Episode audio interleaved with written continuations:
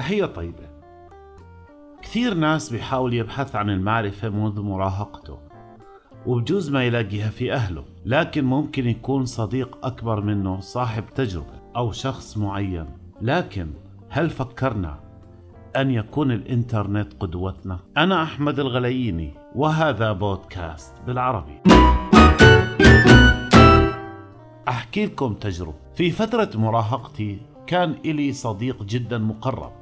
وكنت أعتبره أب روحي. أحاول أستسقي منه تعليم الحياة والأشياء اللي ما وجدتها في والدي لروح الرحمة والسلام أو في عائلتي بشكل عام. ولكن للأسف رغم أني كنت ملاصق إله لكن ما كان له أثر في حياتي وألغيت هاي الصلة الروحية بطبيعة الحال.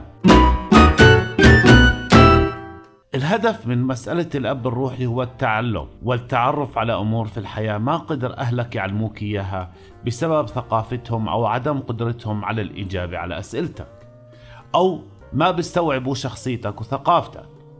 لذلك يبحث الشاب المراهق عن شخص مثالي قادر على الإجابة على هذه الأسئلة. ولكن أنا مثل ما قلت سابقا ما وجدت هذا الشيء في الشخص الذي أخذته قدوة. لكن وجدته في الإنترنت. أخذت تجارب تعلمتها من أشخاص عبر منتديات سابقا مواقع التواصل الاجتماعي لاحقا وفي حياتي العملية حاليا. وما زلت أبحث وأتعلم وأطور من نفسي. قدر الإنترنت يكون قدوتي في تعليمي مهارات جديدة وأتعرف على أشخاص يعطوني مهارات جديدة في حياتي بشكل مباشر أو غير مباشر. وأنا من الناس بحب نفسي كثيرا.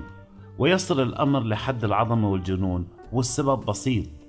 إن كنت سعيد الحظ ونفذت من حالة أن أكون إنسان مسير عبر أصحاب خيارات فاشلة في حياتهم العملية. ولكن كنت الحمد لله مسخير إني أكون إنسان ناجح في حياتي العملية بسبب الإنترنت. وبسبب وجود مهارات بين إيدي لكن الإنترنت الله يطول عمره ويحفظه.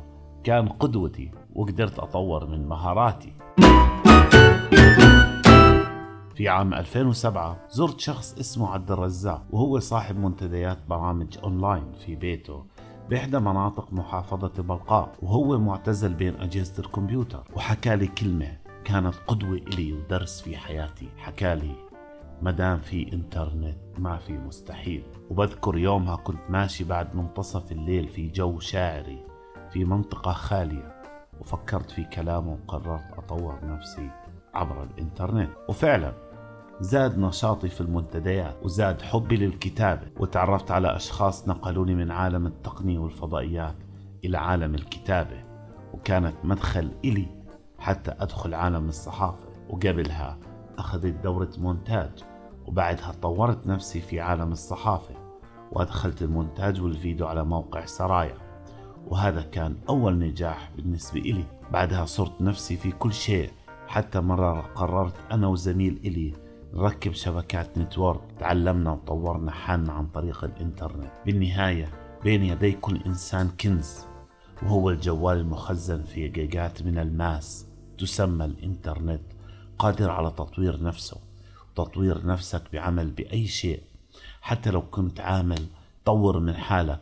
واعمل لنفسك شيء يكون رصيد إلك عزيزي المستمع لا تصدق أن هناك أشخاص راح يجي ينتشلوك أو يرفعوك إلى أعلى لكن أنت قادر على رفع نفسك وتطويرها عن طريق الإنترنت.